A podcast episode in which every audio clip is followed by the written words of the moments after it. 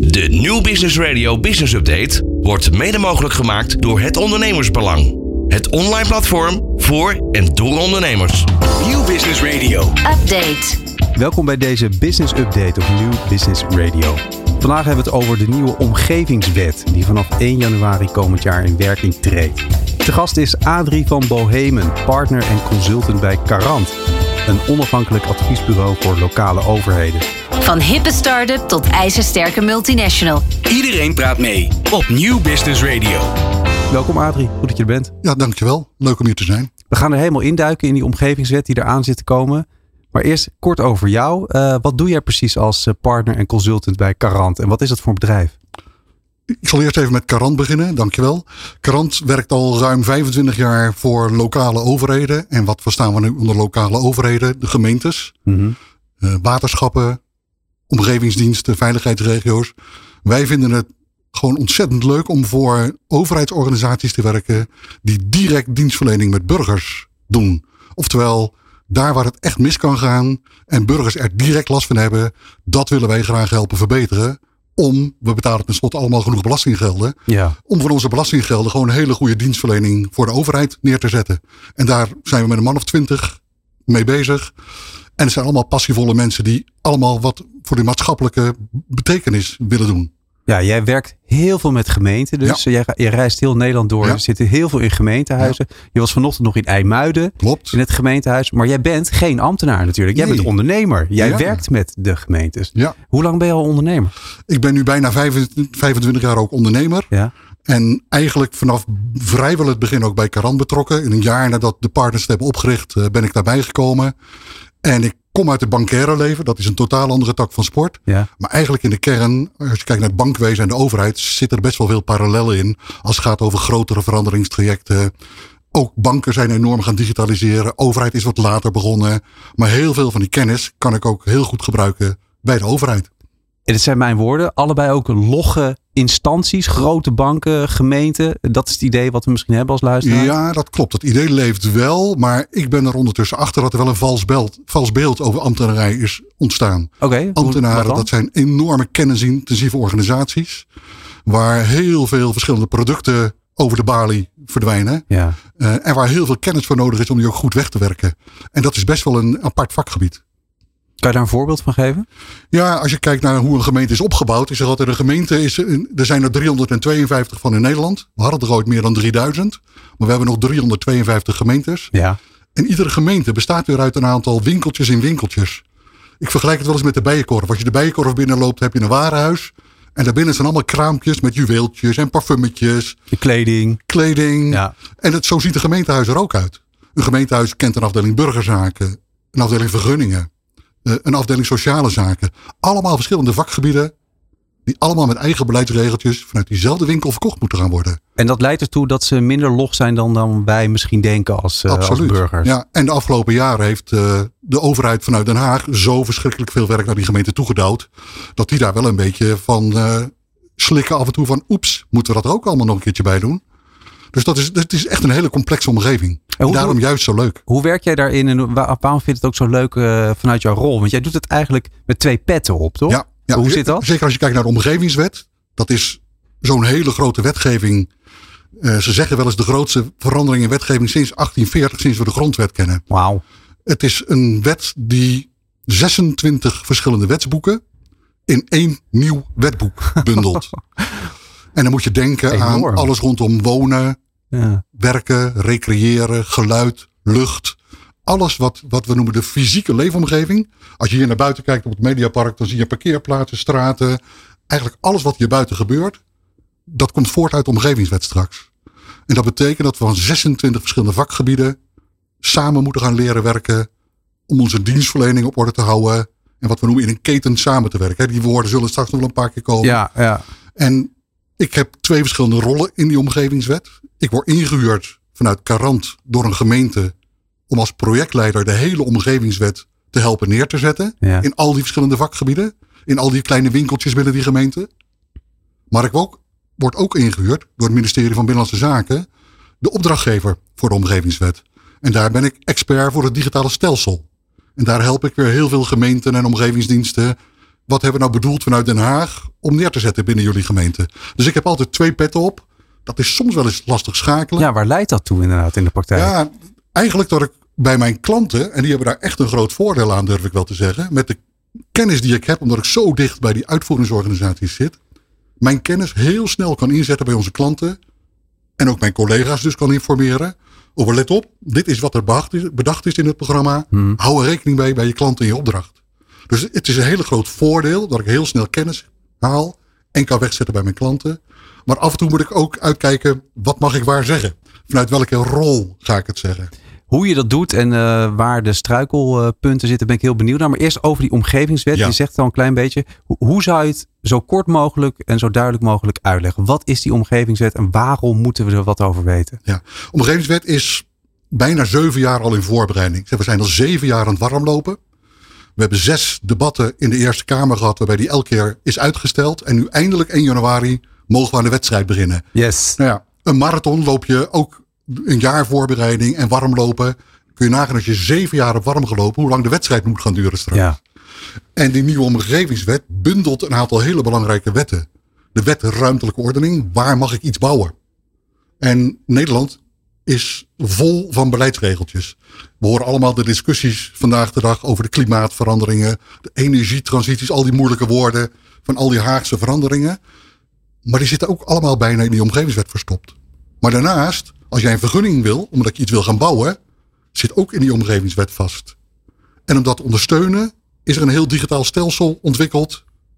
Om als jij als aan initiatiefnemer volgend jaar een huis wil bouwen, moet jij ergens een aanvraag doen digitaal. Mhm. Dus er is een heel digitaal stelsel ontwikkeld. En een wet die dat moet ondersteunen. En medewerkers moeten daarmee leren werken. Ja, omvat heel veel hè? Het, het is enorm groot. Als je ervan uitgaat dat de wet ruimtelijke ordening is al vanaf 1964 in werking. En nu, 60 jaar later, krijgen we ineens een hele nieuwe wet. Die hele andere dingen vraagt om te kijken naar onze buitenruimte. We hebben een vergunningverleningswet, de WABO heet die, de Wet Algemene Bepalingen Omgevingsrecht. Prachtige afkortingen. En die gaat ook ineens op een andere manier voorschrijven hoe we vergunningen moeten gaan verlenen in Nederland. En nu doen we dat allemaal een stukje beleid maken. In een kamertje ernaast schrijven we het op. En we hebben een kamertje ernaast waarin we de vergunningverlening doen. En we hebben een stukje uitvoering waarin we gaan kijken of het goed gaat. Ja. Allemaal naast elkaar. En de nieuwe wet zegt, nee vrienden, dat mag niet meer. Jullie zullen met elkaar moeten samenwerken. Om te voorkomen dat we dubbel beleid krijgen. Dat beleid elkaar niet in de weg zit. Want is dat ook de reden waarom die omgevingswet er moet komen? Ja, het, is al, het is al een jaar geleden besloten dat hij er moet komen. Nu komt hij er. Eh, dit is het. Het moet soepeler, beter, makkelijker. Ja, wij worden nog wel achtervolgd door een uitspraak van eh, oud-minister Melanie Schultz van Hagen. Het moet eenvoudig beter. Dat heeft ze zes jaar geleden gezegd. En dat achtervolgt ons nog steeds. Want het kan niet eenvoudig beter worden bij de start. Omdat het zo super complex is. Ja. Dat we gewoon een aantal jaren nodig hebben. Om dat stap voor stap beter te maken. Dat Ja. kan niet in één keer. Dat Nou, in, die, in die fase zitten we dan nu. Ja. Eh, hoe pak je dat Ja. aan? Om even terug te komen waar we het net over hadden. Hoe, hoe, gaat dat? Ja, dat bestaat eigenlijk uit een aantal onderdelen. Het belangrijkste onderdeel is, als we kijken naar de beleidsvorming in Nederland. De meeste mensen kennen wel wat bestemmingsplannen zijn. Als jij in een gemeente woont en jij wil iets bouwen, dan kun je in het bestemmingsplan kijken wat er wel en niet mag. Waar mag ik wonen? Waar mag ik werken? Waar mag ik recreëren? Bestemmingsplannen bestaan er straks niet meer. Dat krijgt een nieuwe kreet, omgevingsplan. Maar een gemeente kan nu 20, 30. Amsterdam heeft 450 bestemmingsplannetjes. Mhm. Over een paar jaar mogen ze nog maar één omgevingsplan hebben. Dus een gemeente als Amsterdam moet al die kleine plannetjes in één nieuw beleid gieten. Wat niet conflicterend mag zijn. Nou, stel jij gaat naar de gemeente Amsterdam. Je zit er in de, in de Stopera, het, eh, het stadhuis daar zo. Eh, hoe, hoe help je de mensen daar om dat te doen op dit moment? Nou, het begint in ieder geval met de mensen bij te praten over... jongens, snappen we met elkaar hoe de nieuwe wet in elkaar zit? Ja. Wat er van jullie gevraagd wordt? Belangrijke vraag. Belang, ja, snappen jullie nu? We weten hoe jullie nu werken. Jullie zijn gewend te denken in de termen van een omgevingsplan. En dan zullen we het eens hebben over wat is het maken van een omgevingsplan? Wat vraagt dat van jou? En dat is al een hele grote verandering voor wat we noemen planjuristen, planologen, stedenbouwkundigen. Dat ze op een andere manier met een andere bril naar buiten moeten kijken. Ik verwoord het wel eens. Ik heb wel eens in Rotterdam gestaan. In, in de Rotterdam, prachtige gemeentehuis. Ja. Als je daar op de twintigste verdieping staat. Ik kijk naar buiten over de haven.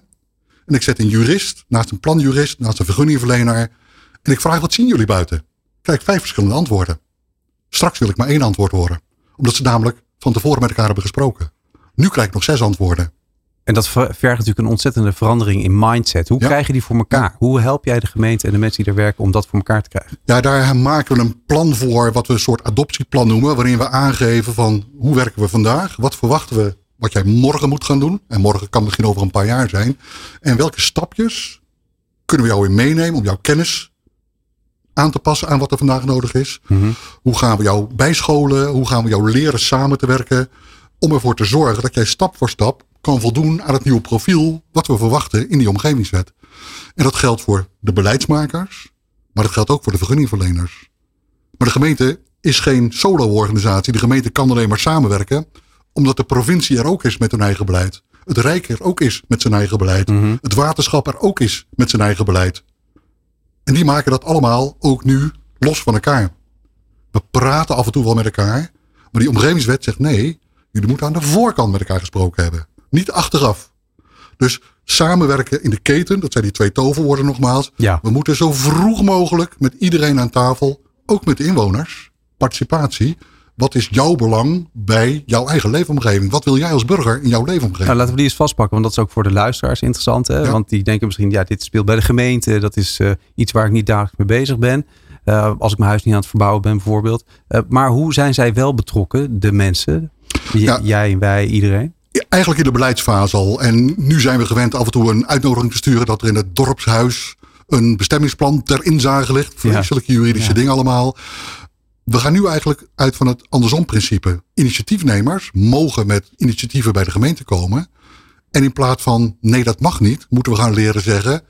Het is een goed idee. We gaan eens kijken hoe wij ons beleid gaan aanpassen. om jouw initiatief als bedrijf of als burger te ondersteunen. Terwijl we nu gewend, nee maar. En we zeggen nee, dit wordt ja mits. We gaan samen kijken hoe we jouw beleid tot een mooi initiatief kunnen uitrollen. Ondernemer, hoe gaan we zorgen dat jij je bedrijf kunt veranderen?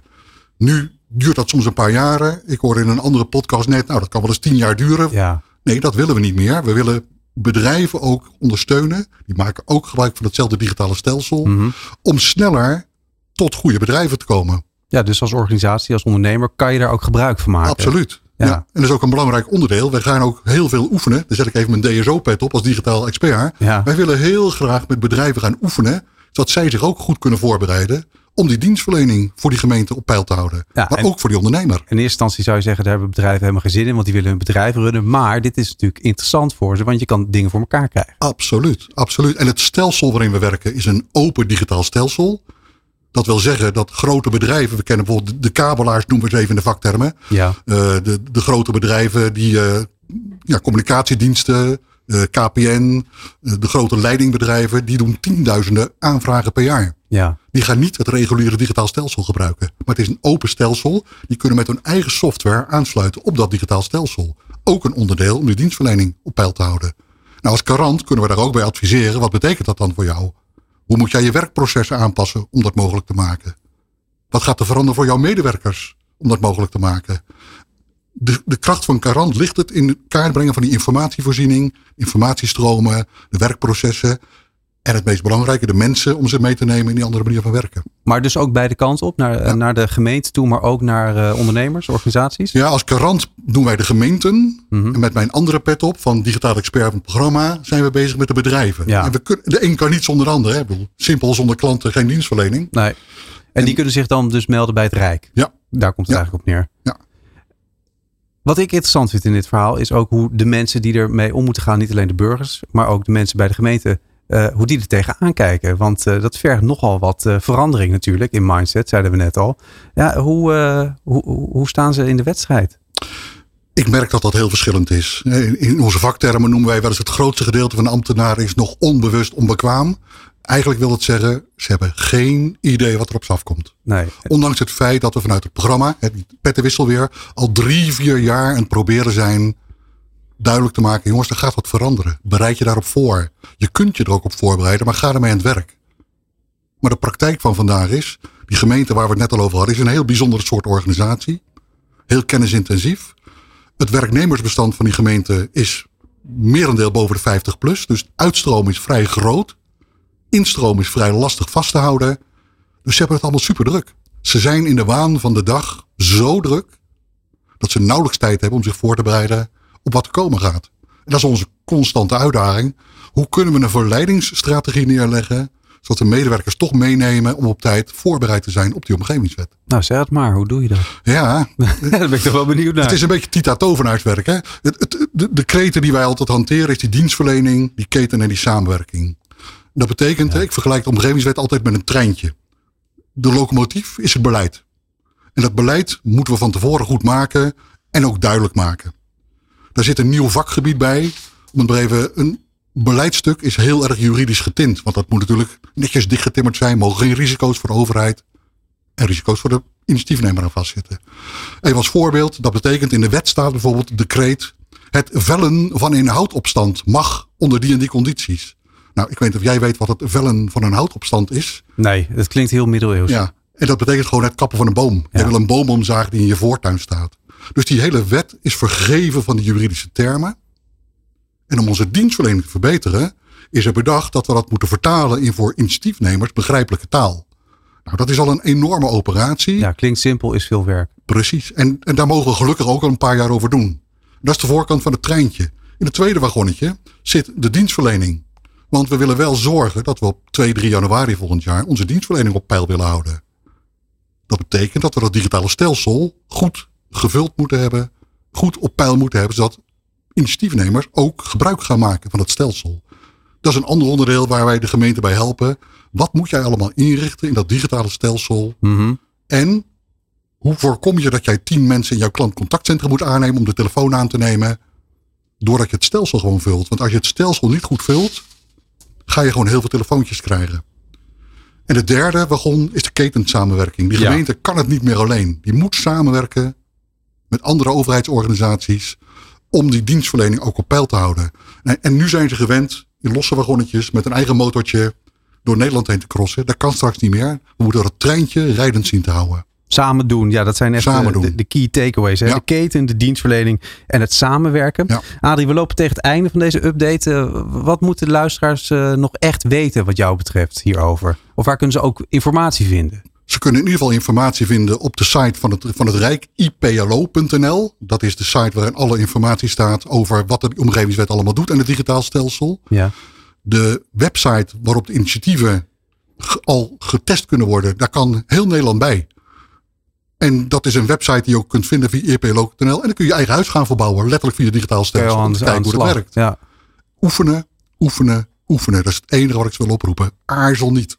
Want het is zo belangrijk om op tijd klaar te zijn.